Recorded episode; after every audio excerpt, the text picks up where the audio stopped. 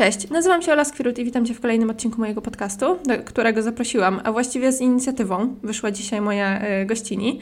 E, Kamila i porozmawiamy o mm, ważnych takich kobiecych tematach, kobiecych aspektach. E, te e, zagadnienia są bardzo często poruszane na innych podcastach, których słucham i zawsze są dla mnie bardzo interesujące, bo niestety w szkole się o tym nie mówi. A z samym zawodem, yy, którego nazwę dzisiaj poruszymy, spotkałam się dopiero rok czy dwa lata temu, co jest też moim zdaniem absolutnie po prostu niedopuszczalne, bo jako kobieta zdecydowanie powinniśmy wiedzieć, że jest taki zawód, że można się tam udać o, yy, po pomoc i wsparcie. Porozmawiamy dzisiaj o mięśniach niemiednicy, o bolesnych miesiączkach, o takich tematach jak um, bolesne współżycie i inne takie zagadnienia. Um, I porozmawiamy o tym z Kamilą. Przedstaw się proszę i powiedz, czym się na co dzień zajmujesz. Cześć wszystkim. E, ja nazywam się Kamila i aktualnie jeszcze studiuję e, fizjoterapię na czwartym roku na Uniwersytecie Medycznym w Łodzi. E, no i właśnie od dłuższego czasu interesuje mnie ta fizjoterapia uroginekologiczna. Raczej szłam na studia tak jak wszyscy z myślą, że będę pracować ze sportowcami, to chyba zamysł wszystkich, którzy idą gdzieś tam na fizjoterapię na początku, ale zdecydowanie e, no, sportowcy nie są moją grupą docelową. Właśnie chciałabym pokazać kobietom, że mm, mogą sobie poradzić z bolesnymi miesiączkami, że, że miesiączki nie powinny boleć.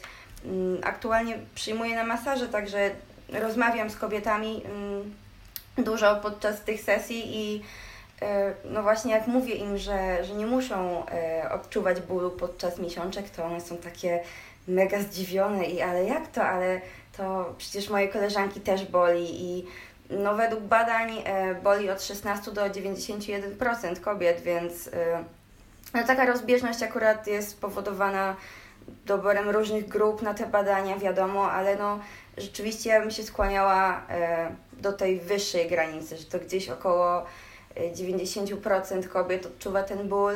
E, z bólem przy współżyciu też się da pracować. To nie jest tak, że nas y, boli, bo boli, bo takie jesteśmy, bo nie zawsze. Mm, także to właśnie chciałabym Wam dzisiaj tutaj y, pokazać.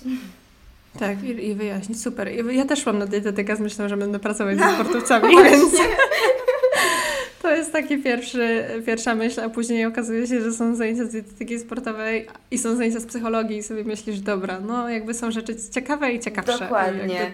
I, I ważniejsze, no. No, dokładnie, tak dla Ciebie osobiście, tak, no nie? Tak, um, Fajnie. E, kim w ogóle jest fizjoterapeutka uroginekologiczna? Ja tego nie umiem wymówić i powiem Ci szczerze, że pewnie będę mi, będzie mi się plątał język za każdym razem, kiedy będę wracać do tego słowa, ale e, kim jest w ogóle taka e, osoba? Mm, co ja bym powiedziała, że y, no, fizjoterapia uroginekologiczna zajmuje się wszystkim y, tym, y, z czym nie pracuje ginekolog, tak? Czyli idziemy do ginekologa, mhm. bo właśnie mamy bolesne miesiączki albo mm, bo nas boli, gdy kochamy się z partnerem. No i ginekolog mówi, no ale tutaj wszystko jest ok, tak?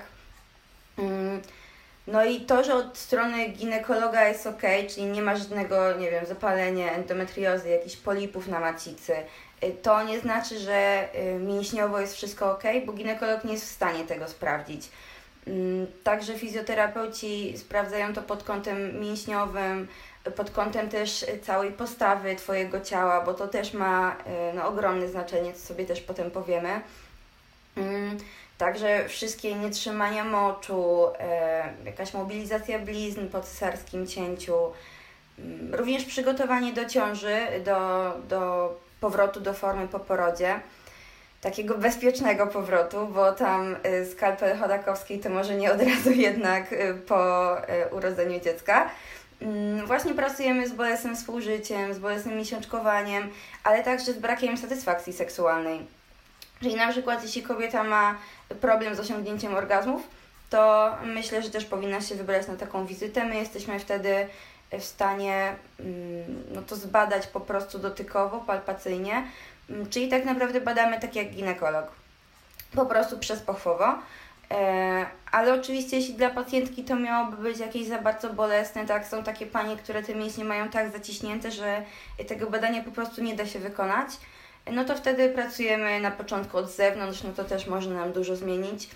Mm, także pracujemy z niepłodnością. Także dla par, no to też był dla mnie taki szok, jak się o tym dowiedziałam. Ale także dla par, które już gdzieś tam nie widzą jakiegoś rozwiązania dla, dla swoich problemów, tak? Wszyscy im mówią, że wszystko jest ok, próbowali różnych rzeczy, to myślę, że fizjoterapeuta albo osteopata uroginekologiczny to może być dla nich takie właśnie y, dodatkowe wyjście, dodatkowa próba.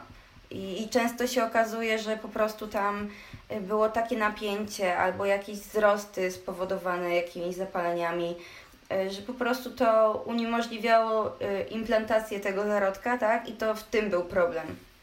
Także no, opcji jest dużo, pracujemy z wieloma rzeczami i myślę, że, że jak ktoś idzie do ginekologa i ginekolog mówi, że wszystko jest ok, to kolejnym przystankiem powinien być właśnie fizjoterapeuta. Mhm. A ma, są jakieś oficjalne wytyczne, albo czy Wy jesteście na studiach uczeni, w jakim wieku warto by było taką, nie wiem, pierwszą wizytę rozważyć? Czy to jest uzależnione właśnie mm. od, nie mhm. wiem, etapu dojrzewania, czy to jest uzależnione od tego, czy występują jakieś powikłania, komplikacje, jakieś takie dolegliwości budzące wątpliwości. Wiesz co, nigdy nie słyszałam o jakichś takich odgórnych wytycznych. Ja bym mhm. właśnie raczej powiedziała, że po prostu jak, jak coś się dzieje, tak, to, okay. to wtedy po prostu powinniśmy się udać. Okej. Okay. A jak wygląda w ogóle taka konsultacja u fizjoterapeuty czy fizjoterapeutki e, zajmujące się tym, te, tego typu problemem? Bo powiedziałaś, że badanie wygląda podobnie jak u ginekologa, e, czyli wygląda to również w ten sposób, że jest fotel, jest to właśnie badanie y, przez pochwowę za każdym razem? Czy to wygląda jakoś inaczej? Wiesz co, nie musi być za każdym razem. Ogólnie na początku wiadomo, zaczynamy od wywiadu. Mhm. Mm, tych pytań w wywiadzie jest bardzo dużo, także niech Panie się tam nie zdziwią i nie przestraszą, bo połowa wizyty rzeczywiście może wyglądać tak, że my sobie po prostu rozmawiamy. Mm, no i potem, w zależności od tego, czy klientka się zgodzi, czy nie, jeśli się zgodzi, to badamy y, przez pochwową.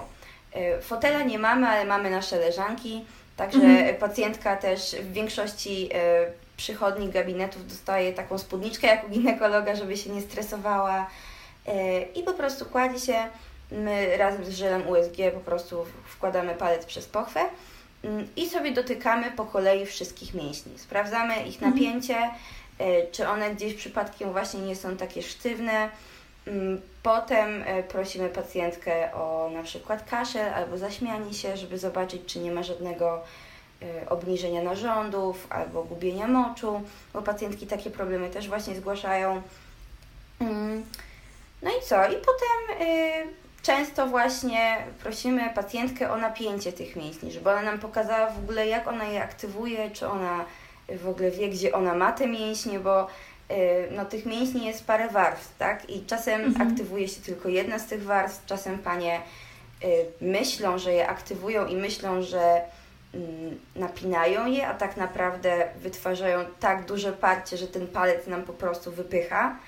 Y, więc no jakby wizyta też potem obejmuje, wiadomo, naukę tych, tych prawidłowych ruchów, tego prawidłowego napięcia, no bo to jest jakby też podstawa potem do tych ćwiczeń, które my zadamy, żeby one miały sens, to musimy wiedzieć, że pacjentka dobrze je wykonuje, y, więc no mm, mówię, dla niektórych może być to krępująca wizyta, bo my dosyć, y, no ginekolog raczej szybko przeprowadza to badanie, my musimy tam zostać trochę dłużej, y, mhm. to jest trochę bardziej właśnie dokładne, bo no, zanim zbadamy każdy mięsień po kolei, wytłumaczymy, to troszkę zajmuje. Ale jak najbardziej no, namawiam do tego, żeby, żeby się właśnie nie stresować, bo to po prostu bardzo pomoże, bo y, często na kolejnych wizytach to badanie trwa już tylko chwilę, tak? Tylko właśnie sprawdzamy, czy pacjentka wszystko dobrze zrozumiała, czy dobrze wszystko wykonuje y, i możemy jakby lecieć dalej z tymi ćwiczeniami. No. Mhm. A powiedziałabyś, że taka wizyta i konsultacja z fizjoterapeutką y, uroginekologiczną, tak, dobrze mówiłam, tak. E, miałaby sens i zastosowanie, jeśli ktoś by się krępował tego badania y, przezpochwowego i chciał po prostu omówić wątpliwości i zdobyć tak jakby wiedzę teoretyczną na takim spotkaniu? Czy masz wrażenie, że bez badania to za bardzo jakby nie ma większego znaczenia? Nie, wiesz co, myślę, że jeśli ktoś się tym stresuje i chciałby to po prostu omówić, to y, też jak najbardziej może przyjść. Y, tak jak też mówiłam, my nie musimy na pierwszej wizycie zawsze badać y, jakby tak dopochwowo, bo możemy wszystko zbadać zewnętrznie.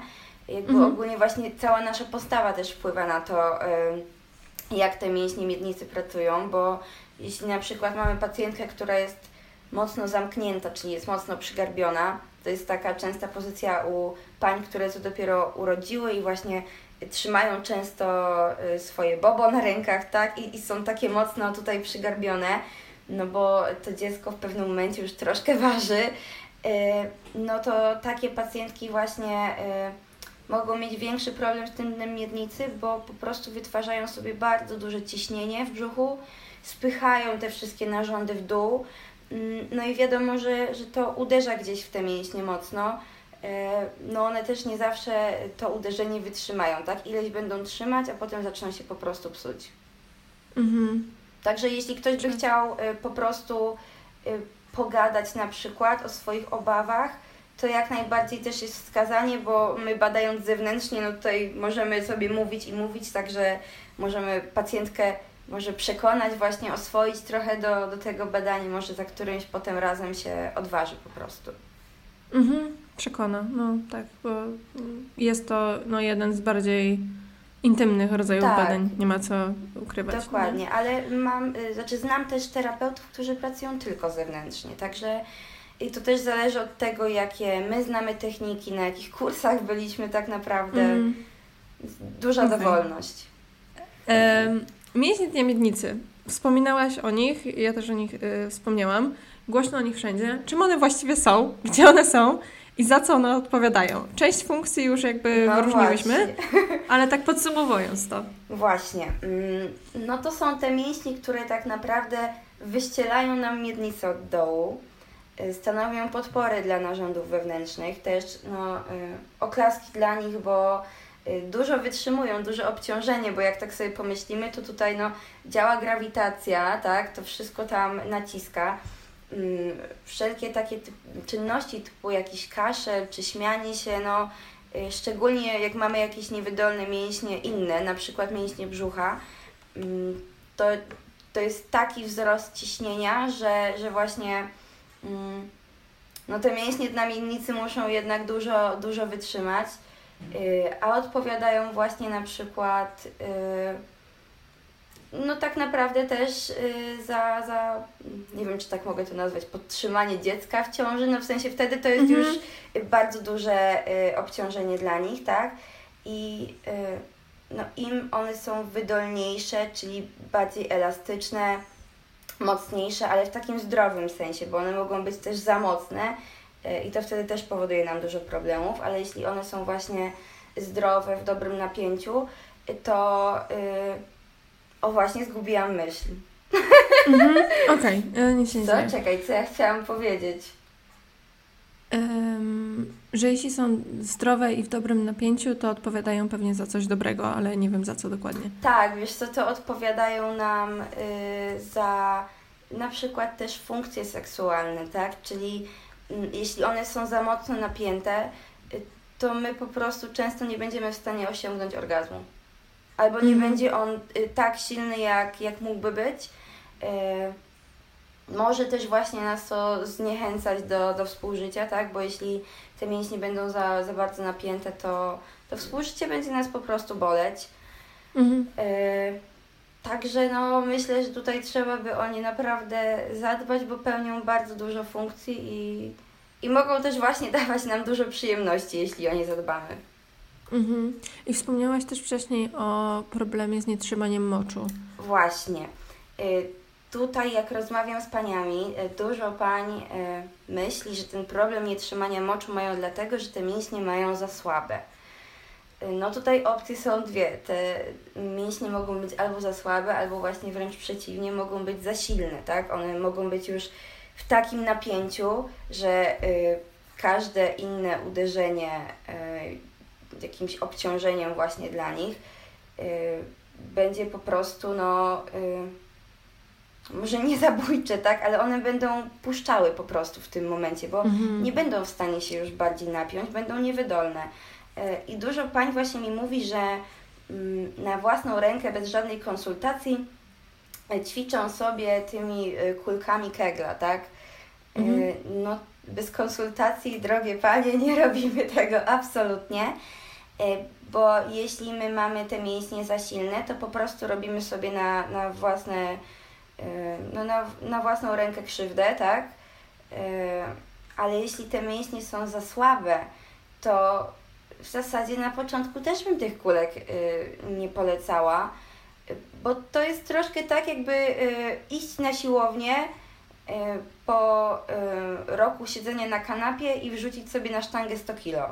Dla okay. tych mięśni to jest duże obciążenie. My na początku mm, powinnyśmy nauczyć się napinać je w leżeniu, tak? To jest wtedy dla nich bardzo odciążające. Mm, no właśnie, w ogóle nauczyć się przede wszystkim na początku napinać te mięśnie. Także kulki jak dla mnie idą w zapomnienie. Naprawdę, jeśli, jeśli fizjoterapeuta ich nie zaleci, to nie radziłabym z nich korzystać na, na własną rękę, bo możemy po prostu zrobić sobie jeszcze więcej krzywdy. Mhm, to fajnie, że o tym mówisz, bo kojarzyłam te kulki jako takie remedium, wiesz, na wszystko. Że jeśli masz z tym problemy, to kulki, nie? A, no, tak, Dobrze właśnie. wiedzieć, że to jednak nie w tą stronę. No, nie, może niekoniecznie. Tak. I może niekoniecznie. Właśnie, jeszcze dużo, e... dużo pań, tak tylko wtrącę, y, kojarzy te mięśnie dna miednicy jako mięśnie Kegla.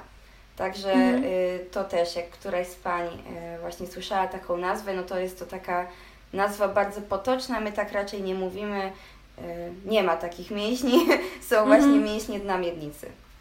Okej. Okay. I mówiłaś też o tym, że te mięśnie mogą być albo za słabe, albo za mocne i takie zbyt napięte cały czas i że każde uderzenie może powodować ich jakby rozluźnienie. Mhm.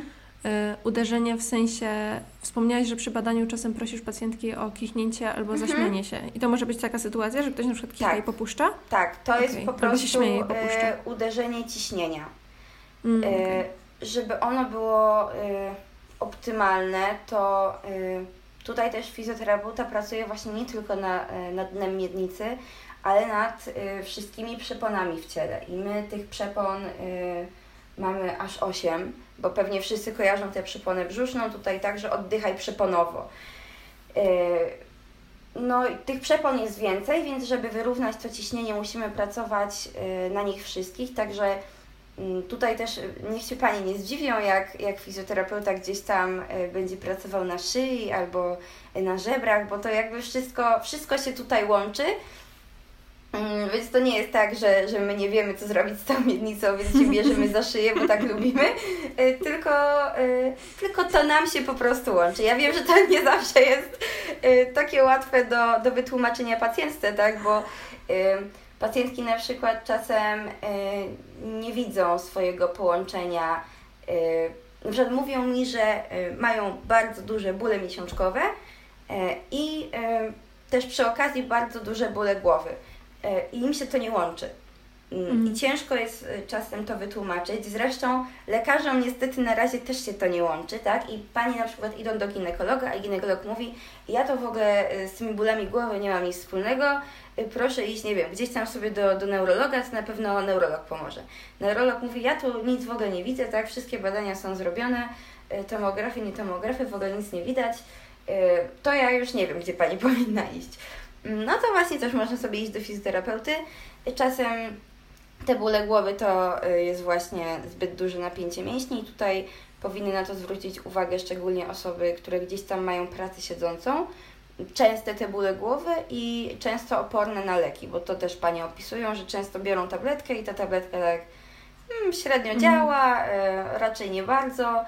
Y, także no, jak widać z bólami głowy też się można do fizjo udać. E, no.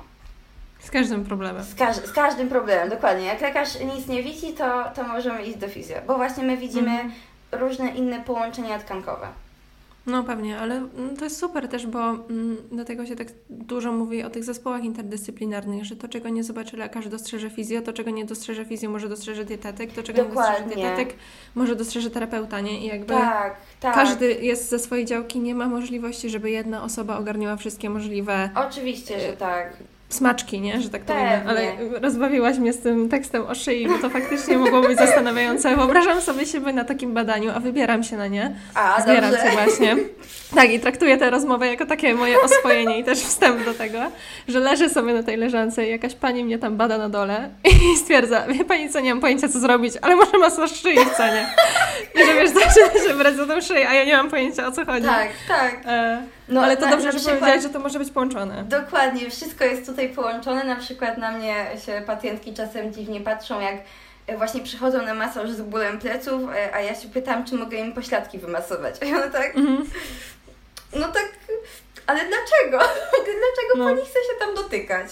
No i też trzeba wtedy wytłumaczyć, że, że są takie mięśnie, takie połączenia yy, i że po prostu tak jest, ja wiem Mhm. i czasem pacjenci po prostu muszą troszkę zaufać. Tak, ja też jak na konsultacjach zadaję pytania takie nie dotyczące jedzenia, tylko takie dookoła, to już Tak. zazwyczaj tłumaczę dlaczego. W sensie już nawet nie czekam na pytanie, bo nie każdy się też czuje na tyle komfortowo, żeby zapytać, yy, a ma takie wątpliwości, więc już też wolę wyprzedzić. W sensie zadaję pytanie i od razu mówię, po co mi jest ta informacja, że nie Tak, zadaję ją tak, tak. właśnie, bo nie mam pojęcia co pytać. Tak. E, U e, jest też dużo endometrioza. takich, dużo takich y, pytań intymnych, tak? Właśnie o współżycie, Mhm. o relacje z partnerem, więc tutaj się też trzeba przygotować, y, tak psychicznie może, ale wiadomo, co, co zostało powiedziane w gabinecie, zostaje w gabinecie i to nigdzie nie wychodzi, także tajemnica. Mhm. tajemnica pewnie. E, Ale wiesz, to w sumie nawet dobrze, że o to zahaczyłaś, bo tak zanim przejdziemy do tej endometriozy, którą mamy kolejną do omówienia, to zadałabym Ci też takie pytanie, czy są jakieś rzeczy, które trzeba przygotować wziąć ze sobą na taką pierwszą wizytę do fizjoterapeuty? Albo właśnie nastawić się, że prawdopodobnie zostaniemy zapytane o to, o to, o to i o to? Wiesz co? Z rzeczy do wzięcia. Hmm, może być na przykład. y, chociaż czy ja wiem, czy sukienka. Chciałam powiedzieć, że sukienka, bo wtedy to ułatwi badanie, może dla pacjentki właśnie nie będzie takie krępujące. Mm, A z drugiej strony potem y, przy ćwiczeniach, no już ta sukienka tak średnio, więc może właśnie jakiś strój po prostu na przebranie. Taki luźny, y, taki, żebyśmy się w nim nie krępowały, nie musiały tam wciągać brzucha. y, no ogólnie w większości też przychodni takich fizjoterapeutycznych jest, jest bidet w toalecie. I są środki do higieny intymnej, także tutaj też się można po prostu dla, e, dla własnego komfortu podmyć przed wizytą, tak, E, albo nie wiem, zmienić sobie bieliznę. Jeśli, jeśli pani ma duże upławy, to rozumiem, że to może ją na przykład w jakiś sposób stresować, tak. Mm, Jakby dla nas to nie jest nic, e, nic nowego, tak. Mm, My też oczywiście na takie rzeczy zwracamy uwagę pod kątem y, na przykład jakichś zapaleń, bo tutaj wydzielina z pochwy może nam jednak dużo mówić. Mhm. I właśnie tutaj jest ta współpraca interdyscyplinarna, tak? Czyli wtedy na przykład odsyłamy e, gdzieś do ginekologa, jednak na konsultację, bo na przykład pani się przyznaje, że, że nie wiem, nie była 3 lata, tak? E, albo coś w tym stylu. Mm. E, Także pytania mogą być też na przykład właśnie o poprzednie wizyty, tak? Co było robione na tych wizytach ginekologicznych? Czy Pani wcześniej korzystała z jakiejś fizjoterapii, e, jakieś wcześniejsze urazy, bo tutaj e, upadki na pupę nawet w dzieciństwie też mogą nam anatomicznie dużo zaburzyć w miednicy.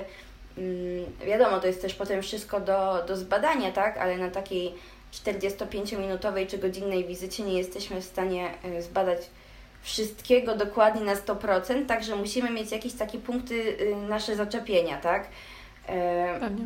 i, i łączyć kropeczki. E, Także no, także dużo takich pytań intymnych na pewno, tak? Właśnie Pani się często wstydzą powiedzieć, że mają to nietrzymanie moczu, ale no uważam, że jak już przyszły, no to właśnie warto się zdobyć na odwagę, bo wtedy jesteśmy w stanie szybciej pomóc, tak? I dla nas każda rzecz ma znaczenie, także jeśli któraś z Pań e, myśli sobie, że a, bo ja to tam popuszczam tylko parę kropel, jak skaczę na trampolinie, to to nie jest ważne.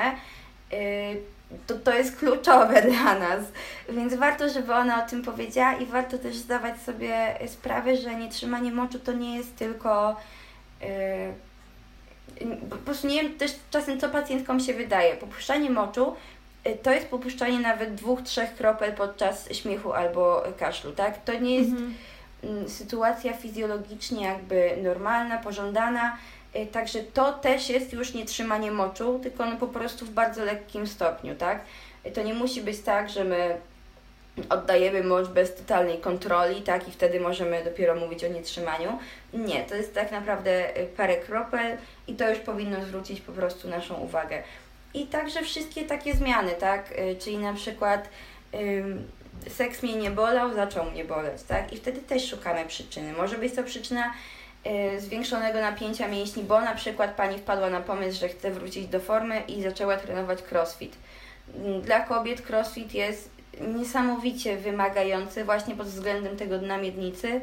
Mm, I tutaj, jeśli już ktoś się upiera przy tym crossficie, no bo też nie jestem od zakazywania y, niczego komukolwiek, bo rozumiem, że jeśli to jest pasja, no to, y, to nie jest tak łatwo zrezygnować.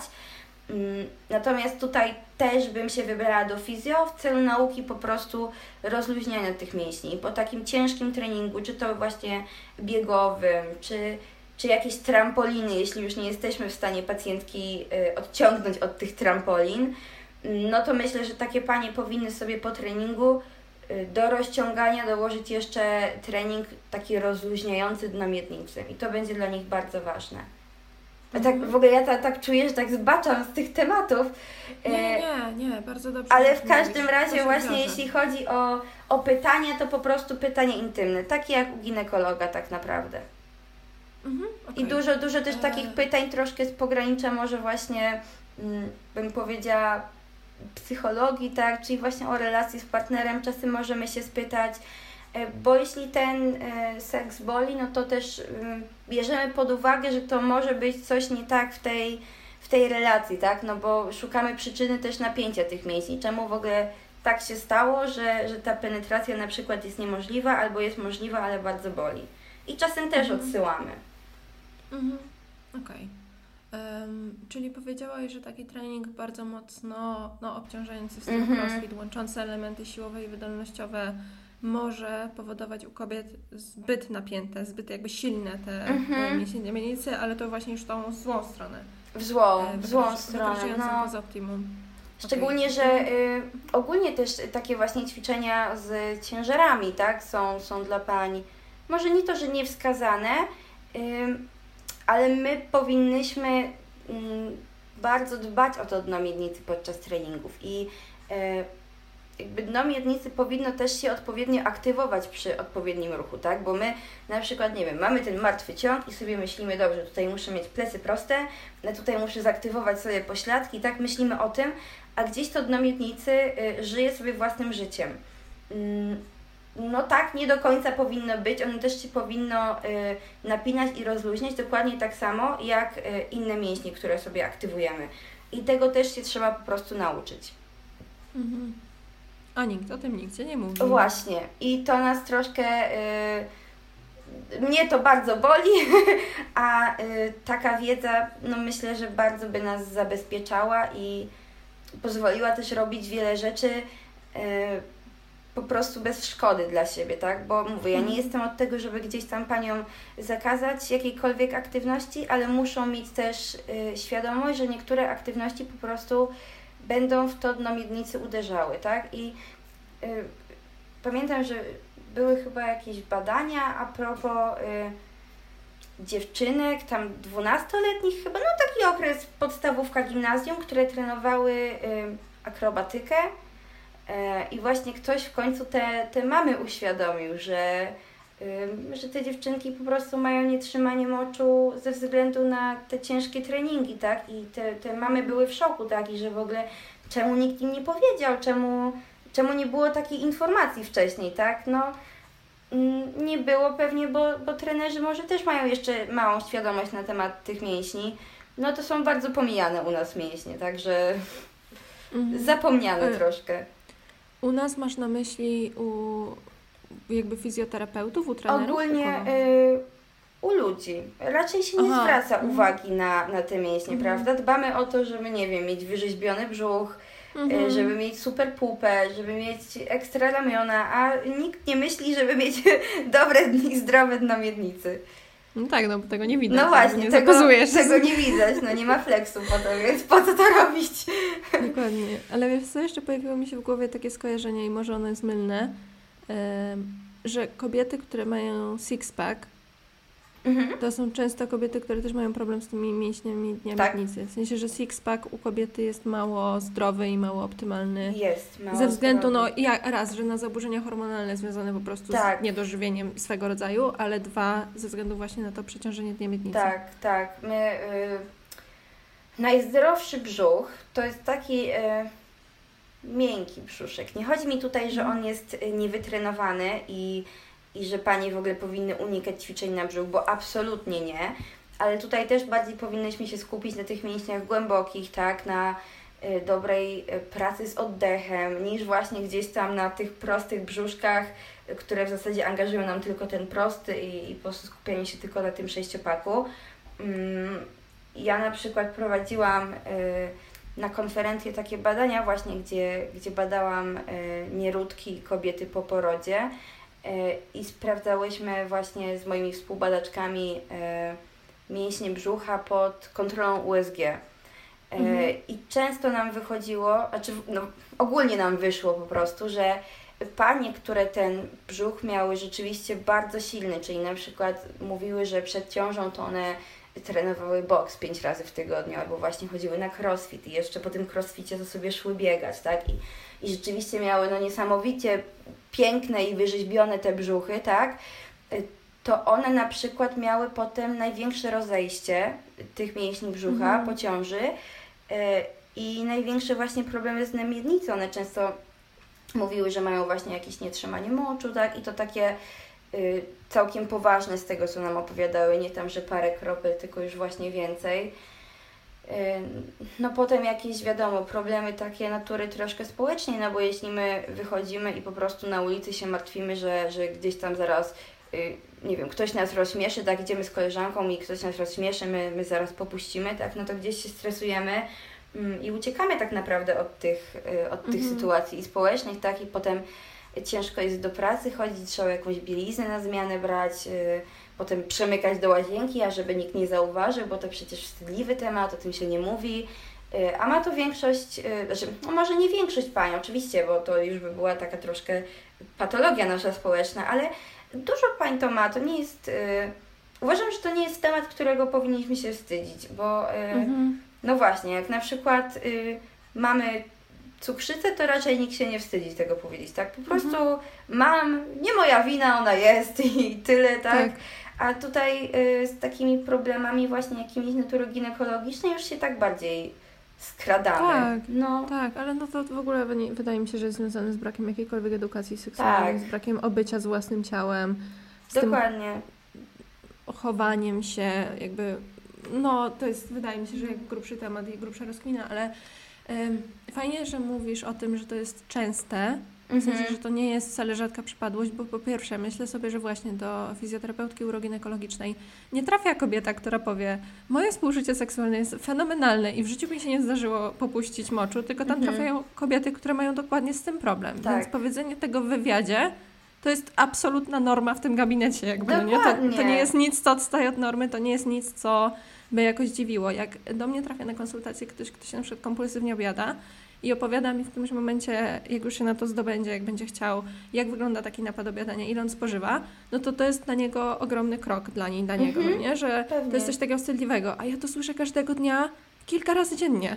Tak, Zazwyczaj. To, to... to jest totalnie ja, ja tego nie oceniam. Ja to po prostu tak. słucham, staram się wyciągnąć z tego jakieś wnioski, wyłapać, czy, czy jest coś istotnego w tym konkretnym napadzie.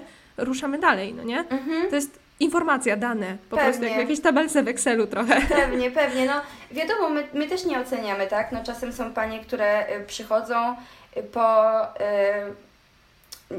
po, po ciąży, tak? I na przykład mówią, że właśnie no to one to tam pierwsze dwa tygodnie sobie poleżały, a potem to włączyły skalpel Chodakowskiej, poszły mm, przebiec maraton i jeszcze wróciły do boksu. To wiadomo, że no muszę jej powiedzieć, pani kochana, wstrzymajmy się z tym, e, ale wiadomo, że nie oceniam, tak, bo no skąd ona miała czerpać tę wiedzę, no nie wiedziała przecież, że, że robi sobie źle. Myślała, że, że właśnie dobrze, że się wzmocni, tak? Panie mówią, że no chciały o siebie zadbać, że chciały być silne, Y, że chciały mieć siłę właśnie, żeby to dziecko swoje nosić, tak, żeby wszystko w domu ogarnąć, żeby po prostu wrócić też do takiego starego życia, tak? Bo y, o tym też się mało mówi, że ciało po ciąży bardzo mocno się zmienia y, i na wiele rzeczy my nie jesteśmy przygotowane, tak? To nie będzie tak, że my wrócimy po tygodniu do dawnej formy, tak? Y, to też nie musi być tak, że to nasze ciało zmieni się jakoś diametralnie, tak? To też zależy od tego właśnie, jak my byłyśmy przygotowane do tej ciąży, y, czy ćwiczyłyśmy podczas tej ciąży, tak? Czy właśnie były gdzieś jakieś wizyty u fizjo, który nas edukował, który mówił, co trzeba robić. Y, no jakby tutaj dużo czynników ma wpływ, tak? Y, to, czy mm, My miałyśmy dużo zachcianek, właśnie e, to, to raczej właśnie Twoja działka, tak? Ale tak. Czy, czy Panie miały dużo zachcianek, czy się bardziej pilnowały lub mniej pilnowały, czy miały wsparcie podczas y, tej całej ciąży? Były tak? kondycji psychicznej. No właśnie, no bo tutaj y, no myślę, że nie powinnyśmy, żadna z nas nie powinna mieć do siebie pretensji po ciąży, bo to jest bardzo wymagający przecież okres, to no 9 miesięcy rośnie Ci coś w brzuchu, mnie to przeraża autentycznie jeszcze w tym momencie. Y, więc no wiadomo, że to jest duże obciążenie dla organizmu, dla wszystkich tkanek. No, mm, zobaczmy, jak one muszą się w ogóle rozciągnąć, tak? Także no, to wiadomo, że też nie wróci nam do od tak po prostu Y, do stanu sprzed ciąży w tydzień, czy, czy w ogóle Panie oczekują, że urodzą i wyjdą mm. z płaskim brzuchem, tak? Mm. Nie wiem, no może czasem się to zdarza, tak? Też predyspozycje genetyczne, jaką my mamy tkankę i jaką odziedziczyłyśmy, że tak powiem, tak? Czy ona się szybciej, czy wolniej regeneruje, no wszystko ma wpływ. Tak. E, ale fajnie, że też wspominasz, bo faktycznie mam takie doświadczenie, że wiele kobiet po ciąży ma takie zrywy i chce właśnie wrócić do tego mhm. spalania mm -hmm. kalorii i tak dalej. No ja nie znam się na tym, więc zazwyczaj po prostu dzwoni mi dzwoneczek, że może najlepiej się skonsultować z fizją uroginekologicznym, mhm. bo też już kojarzę właśnie, że istnieje taki mhm. zawód od niedawno, tak jak wspomniałam. Ale powiem Ci, że ten odcinek w ogóle jest bardzo ważny z uwagi na fakt, że będą go słuchać osoby, które mają A. Problem z niedożywieniem, bo będą tego słuchały mhm. osoby, które mają zaburzenia odżywiania i mają, wychodzą z anoreksji, ortoreksji i tam niedożywienie też osłabia istotnie mięśnie dnia miednicy mhm. i nietrzymanie moczu czy stolca może wynikać z niedożywienia. Tak, to już są dokładnie. takie bardzo hardkorowe przypadki, ale też chciałam ale to ze swojej działki tak podkreślić. I w drugą stronę będą osoby, które mają problem z przetrenowywaniem się, bo na przykład kompensują w ten sposób napady obiadania. Jest to ta powiedzmy bulimia mhm. sportowa, no nie? I to będą trzy godziny intensywnego wysiłku fizycznego każdego dnia przez nie wiadomo jak długo tamte mięśnie dnia miednicy są wytyrane do granic możliwości i też sobie wyobrażam, że może być nietrzymanie moczu. Ja sama kiedyś, kiedy zmagałam się z tym problemem, też miałam nietrzymanie mhm. moczu. I u mnie to akurat przeminęło, w, kiedy po prostu zaprzestałam ćwiczeń fizycznych, no ale nie zmienia to faktu, że wtedy, mając 14 lat, ja nie miałam pojęcia, że istnieje ktoś taki jak fizjoterapeuta no właśnie, i że można no. do niego pójść, że, tak. że jakby to jest wszystko powiązane, nie? Że to nie ginekolog pomoże. Tak, tak. No. Bo często właśnie, często na przykład panie idą z tymi bolesnymi miesiączkami, tak, do, do ginekologa mhm. E, i to po prostu jak ja słyszę, że taka jest pani uroda, to mam ochotę trzepnąć tę osobę.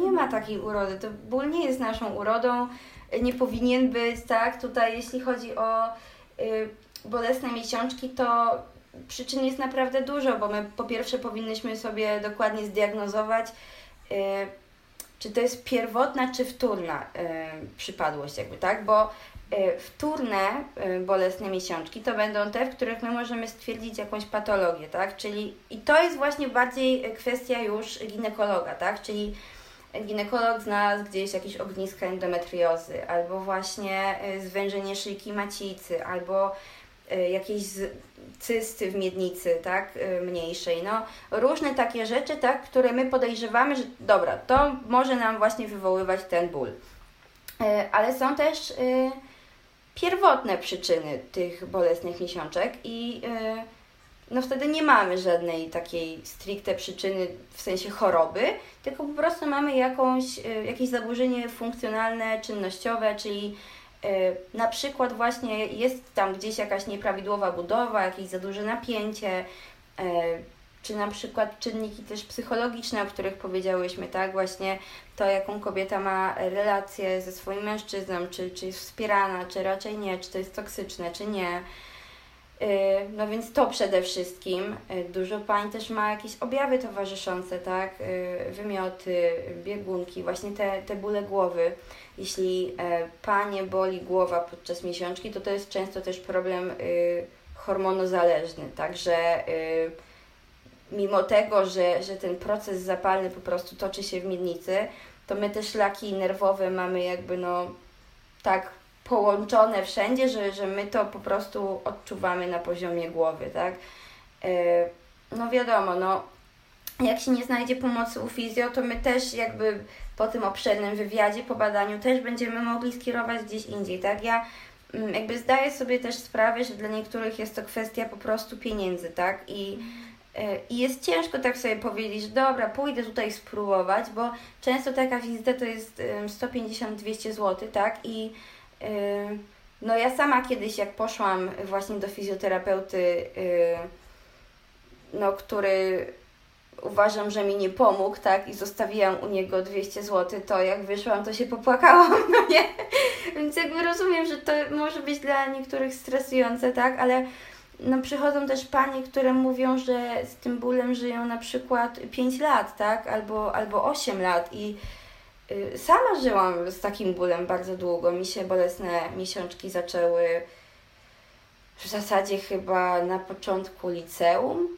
No więc też już by tak y, 8 lat minęło, y, może 7. No i od tego, y, i tak naprawdę przestało mnie boleć parę miesięcy temu, jak sobie właśnie byłam na, na kursie z terapii dynamiednicy i tam y, z koleżanką sobie pracowałyśmy i rzeczywiście y, no, nie, nie powiem, która technika, bo tych technik robiłyśmy wszystkie po kolei. Nie wiem, która zadziałała, ale któraś zadziałała, bo od tego czasu po prostu nie mam tych bóli, a jak mam, to też wiem sama, jak sobie z nimi y, poradzić, tak? No, także to, to też y, ja bym chciała tutaj przekazać Paniom, że to nie jest też tak, że my musimy y, zapisać się na pakiet 10 wizyt, tak? Ja na przykład nigdy przenigdy nie zamierzam sprzedawać pakietów, jeśli chodzi o wizyty, bo ja nie zagwarantuję pacjentce, że y, ta poprawa, nie wiem, przyjdzie w 5 wizyt czy w 10 wizyt, tak? Czasem problem może być tak skomplikowany i, i tych problemów w ogóle może być tyle, one się tak nawarstwiły, że że ona nie wiem, będzie musiała rzeczywiście y, rok do nas przychodzić, tak? Ale to w fizjoterapii uroginekologicznej to też nie jest tak jak na przykład w fizjoterapii jakiejś pooperacyjnej, że y, wizyty są co tydzień. Nie, wizyty są no tak najczęściej co dwa tygodnie, a tak naprawdę większość terapeutek zaleca wizyty co miesiąc.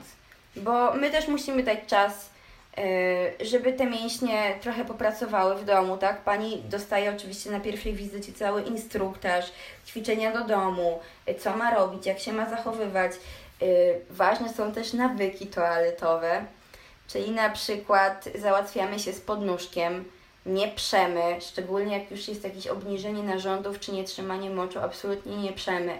Jak jest problem z zaparciami mm, i to nie jest E, ewidentnie problem dla fizjo, to e, udajemy się właśnie na konsultację po prostu dietetyczną, bo e, no zwykle coś tam w diecie po prostu nie gra, tak? No my takie pierwsze co to tej możesz się śmiać, ale pierwsze co, no to my radzimy więcej wody. No bo mhm. gdzieś tam też pani, pani zgłaszają tak, że no a ile pani pije? No nie, no sporo pije. No dobrze, no a ile pani dzisiaj wypiła? Szklankę, tak? No, mhm. To jak to zaparcie ma tam nie powstać, tak? Plus oczywiście zalecamy ruch, tylko taki zdrowy właśnie, spacery, tak? Czy jakieś y, truchtanie sobie, nie tam rzucanie się od razu na, y, na nie wiadomo jakie maratony, tak? Y, możemy naprawdę znaleźć fajną aktywność, która nie będzie nas krzywdzić, y, yoga, tak, dla niektórych jest ekstra, niektórych nudzi, zdaję sobie z tego sprawę.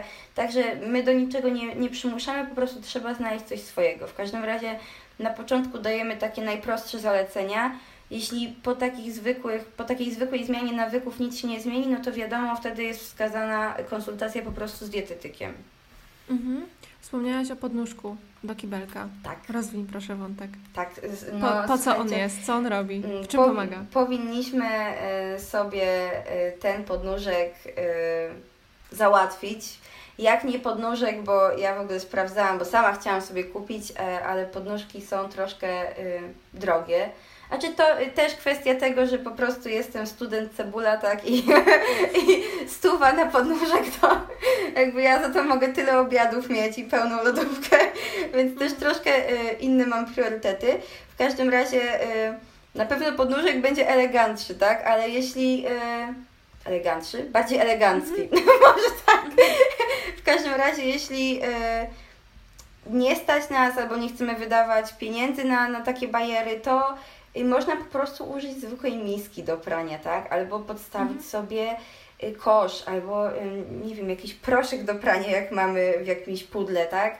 Y, no cokolwiek, po prostu, żeby mieć te y, nasze kolana wyżej niż biodra, jak siedzimy. Okay, to jest, to jest tak, cel, tak, to jest nasz cel. Wtedy po prostu y, y, tam nam się rozluźnia wszystko.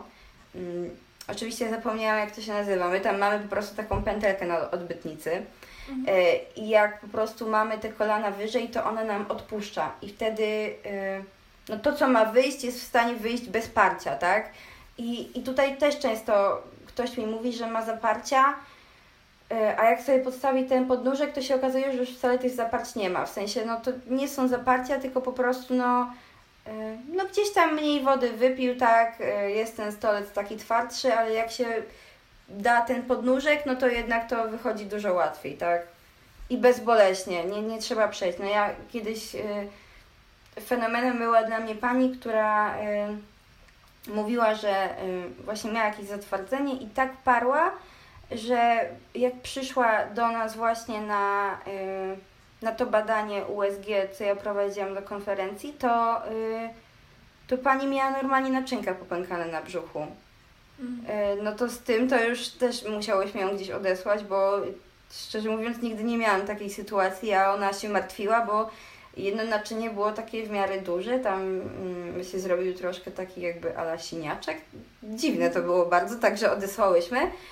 No w każdym razie tutaj też taka przestroga, że można sobie krzywdę zrobić po prostu. Mhm. Tak, jest taka akcja w ogóle chyba na Instagramie, w sensie jest taka popularna fizjoterapeutka Go, Gosia ma chyba na imię, ja nie pamiętam. Ale Pani ona... fizjotrener pewnie. Tak, bardzo tak, możliwe, tak. tak. I ona miała chyba właśnie taką serię postów klocek pod klocek, czy coś takiego. A to nie, nie słyszałam żeby... o tym, ale... Ja mogę coś przekręcić, ale właśnie chodziło o to, żeby sobie podstawić coś pod nogi, tak. jak się korzysta z toalety przy parciu, no nie? Tak. I stąd to właśnie kojarzę, ale zawsze byłam ciekawa, jaka wysokość, bo tego jakby nie doczytałam, ale to jest bardzo ważne, co powiedziałaś, czyli kolana wyżej niż mhm. biodra. Tak. I wtedy no. się rozluźnia to wszystko. Tak. Super. Um, endometrioza. Co można z nią robić od strony mhm. fizjoterapii tej uroginekologicznej? No to tak, dla tych pań, które może do końca nie wiedzą właśnie, y, co to jest, to endometrioza to mm, występowanie błony śluzowej macicy poza tą macicą, tak? Zdarzają się sytuacje ekstremalne, gdzie y, podobno nawet te ogniska endometriozy y, są w stanie znaleźć się w płucach, tak? Albo w jamie brzusznej, no to jest już taki ekstrem. E, ponieważ y, ta tkanka jest y, podatna na nasze hormony, czyli w trakcie menstruacji y, ona się po prostu będzie jakby złuszczać, tak? Mm. No i tutaj to będzie powodowało zdecydowanie duży ból. Zależy też, gdzie ona się znajdzie, ale właśnie, jeśli na przykład endometrioza znajdzie nam się na jajowodach, to możemy mieć po prostu mechaniczną niepłodność. Mhm. E i ogólnie trzeba sobie powiedzieć, że to jest po prostu takie bardzo duże zapalenie tam w dole miednicy. E, I żeby się tego zapalenia pozbyć, to wiadomo, że tutaj z tym pracuje akurat ginekolog. Ale zapalenie powoduje potem, że te tkanki nam włóknieją i one będą y, sztywnieć, będą się robiły wzrosty tam, gdzie ich być nie powinno, y, czyli nasze właśnie na jajowodach, gdzieś tam ogólnie w miednicy E, I my po prostu możemy pracować z tymi wzrostami. To nie jest tak, że my tam sobie y, pogmyramy, poszperamy i te wzrosty znikną. E, tylko chodzi o to, że y, my możemy te wzrosty rozciągnąć, uelastycznić, żeby one nie ciągnęły nam za, za inne tkanki, tak? Bo no wyobraźmy sobie sytuację, gdzie y, no to naj, najłatwiej jest przedstawić na koszulce, tak? Niech Panie sobie złapią koszulkę w jednym miejscu, troszkę ją zwiną, tak, i zobaczą, gdzie się rozchodzi to napięcie. Tak samo jest z tkankami. Jak nam y, coś tam stwardnieje, tak, coś, co powinno być elastyczne i to nam trzyma i się nie rusza, y, to to po prostu będzie pociągało za, za inne części tej, tej miednicy, tak, mniejszej.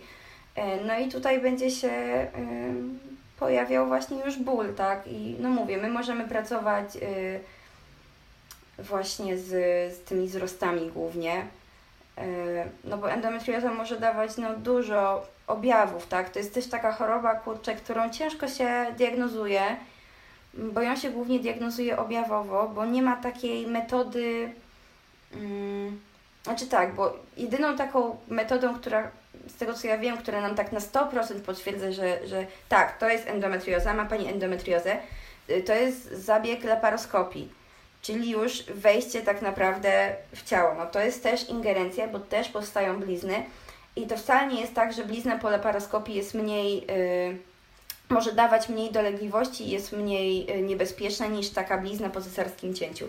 Ja wiem, że ona jest mniejsza, ale tak czy siak ona jest, tak czy siak przebija się przez wszystkie tkanki i tak czy siak te wszystkie tkanki może po prostu nam skleić. Yy, więc z takimi bliznami, nawet po laparoskopii, też bym się udała do fizjo żeby po prostu powiedział, jak o nie dbać, bo mówię, to często może być po prostu jedna wizyta, a potem, nie wiem, za 2-3 miesiące wizyta kontrolna, tak? My jesteśmy w stanie sobie same też pracować z tymi bliznami, o ile to kogoś y, nie obrzydza, tak? Bo są też takie panie, które mi mówią, że absolutnie ona tego nie dotknie i po prostu ktoś inny ma to robić. Także yy, nie wiem, czy to jest praktykowane, ale akurat. Yy, ja myślę sobie, że y, nie miałabym problemu, gdyby na wizytę przyszła do mnie pani z mężem albo chłopakiem, tak? Wtedy też jemu jestem w stanie powiedzieć, jak ona ma dbać o te blizny. Może on ją wtedy troszkę bardziej przypilnuje, tak? No to jest kwestia tego, y, jakie mamy zaufanie do partnera, czy w ogóle my chcemy, żeby on był na tej wizycie. Jak nie chcemy, to wiadomo, trzymamy go na korytarzu, y, ale jak chcemy, to mówię, osobiście dla mnie nie byłoby problemu. Aczkolwiek też tutaj proszę się nie denerwować na terapeutów, którzy nie wszystkie techniki pokazują, bo my wszystkich technik pokazać nie możemy, bo niektóre są po prostu za bardzo skomplikowane i za dużo krzywdy można sobie nimi zrobić, żeby tak w 5 minut kogoś nauczyć tam, dobra, to sobie teraz rób w domu. A pacjent nie ma y, takiej świadomości. Mm, ale jeśli mówię, jeśli chodzi o blizny, no to Często po prostu zadajemy tutaj pacjentkom pracę domową, tak? Pokazujemy na przykład dwie techniki, sprawdzamy przy nas, czy panie to dobrze wykonują i potem panie w trakcie na przykład tych dwóch tygodni, trzech tygodni albo miesiąca y, ponad do kolejnej wizyty po prostu robią to sobie samodzielnie. My potem sprawdzamy, jak im poszło, jakie są efekty. E, zwykle idzie dobrze, także tutaj y, brawa dla wszystkich pań. E, w każdym razie dodajemy na przykład jakieś kolejne zadania, tak, bardziej skomplikowane. E, no, jak nie ma co robić, no to wiadomo, po prostu żegnamy się z pacjentką i, i wiadomo, może do nas wrócić, jeśli cokolwiek innego by się działo. Mhm, to tak jak u każdego specjalisty. Ale Dokładnie. Pokrzepiające jest to, że dużo jest takiej pracy własnej, w tym sensie, że finansowo to wcale nie musi wyjść tak, jest, że no. wiesz, 600 miesięcznie, tylko może się okazać, że 150 zł jedna wizyta tak. i zadania domowe klepiesz dokładnie, we własnym zakresie, dokładnie. a wracasz na kontrolę. Y, a to jest często y, dla wielu pań no, rezygnacja z jednego, y, z jednych paznokci, tak, na przykład. Mm, dokładnie, dokładnie. Także myślę, że, że czasem warto bo my sobie do tej kosmetyczki wrócimy, jak już sobie wyleczymy to dno miednicy, tak? I, i mówię, jakby mm, nie jest to aż tak y, chłonne budżetowo. Mhm. Super. E, bolesne miesiączki w sumie i współżycie już omówiłyśmy tak, tak. naprawdę, bo to no. było ostatnio takie zagadnienie, więc myślę, że będziemy dobijać do brzegu. Powiedz proszę, gdzie można Cię znaleźć i jakie e, usługi w ogóle oferujesz? Gdyby ktoś po wysłuchaniu tego podcastu chciał się jakoś skonsultować, chciał się czegoś dopytać, gdzie może do Ciebie uderzać? E, wiesz co, e, aktualnie to przyjmuję jedynie na masaże i mhm. takie proste terapie właśnie Pracuję z bólami głowy napięciowymi, z rozejściem e, mięśnia prostego brzucha. Pracuję też z kobietami w ciąży. Jeśli któraś z Pań chciałaby przyjść na masaż, to jak najbardziej. E, ale nie prowadzę jeszcze stricte takiej terapii właśnie przez pochwowej, ponieważ na razie przyjmuję w domu tylko. Pewnie. Nie jestem nigdzie, nie jestem nigdzie zatrudniona, też no, nie mam pełnego prawa do wykonywania zawodu, tak?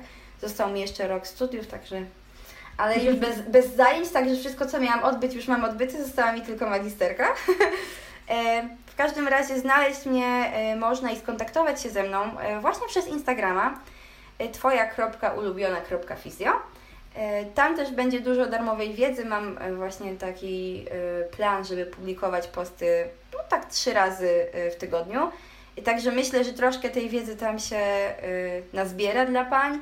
Można mi zadawać oczywiście jakieś pytania, któraś z pań będzie miała jakieś wątpliwości. Mm, to oczywiście śmiało.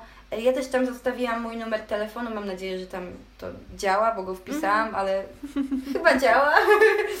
Także jakby ktoś chciał zadzwonić i, i się czegoś dowiedzieć, umówić na konsultację, to jak najbardziej. Ja przyjmuję w Łodzi na Widzewie, e, ale niestety jedynie e, u siebie, bo nie mam, nie mam auta Pewnie. i nie mam prawa jazdy, także, Pewnie. także no. Dobra, super. To ja zostawię Twoje dane i namiary do Ciebie tam w opisie tego e, odcinka. Gdyby ktoś chciał zajrzeć, zajrzeć i szybciej się jakoś tam dostać na Twoje sociale, to tam e, Cię znajdzie. Dziękuję Ci bardzo za tą rozmowę, była bardzo cenna. I mam nadzieję, że do usłyszenia jeszcze kiedyś przy okazji nagrania. Ja też mam nadzieję, bo ja to w ogóle mam dużo, dużo pomysłów, dużo tematów, także jakby się spodobało, to, to ja chętnie coś jeszcze właśnie stworzę. Może od takiej strony bardziej też dietetycznej z Tobą, żebyś właśnie żebyśmy też wspólnie ogarnęły na przykład endometriozę. Pewnie. To dużo Pań zastanawia. No, także też strasznie dziękuję za rozmowę, bo to mój pierwszy podcast, więc mam nadzieję, że się będzie podobało. Dziękuję bardzo. Dziękuję Wam również za wysłuchanie i do usłyszenia w kolejnym podcaście. Cześć.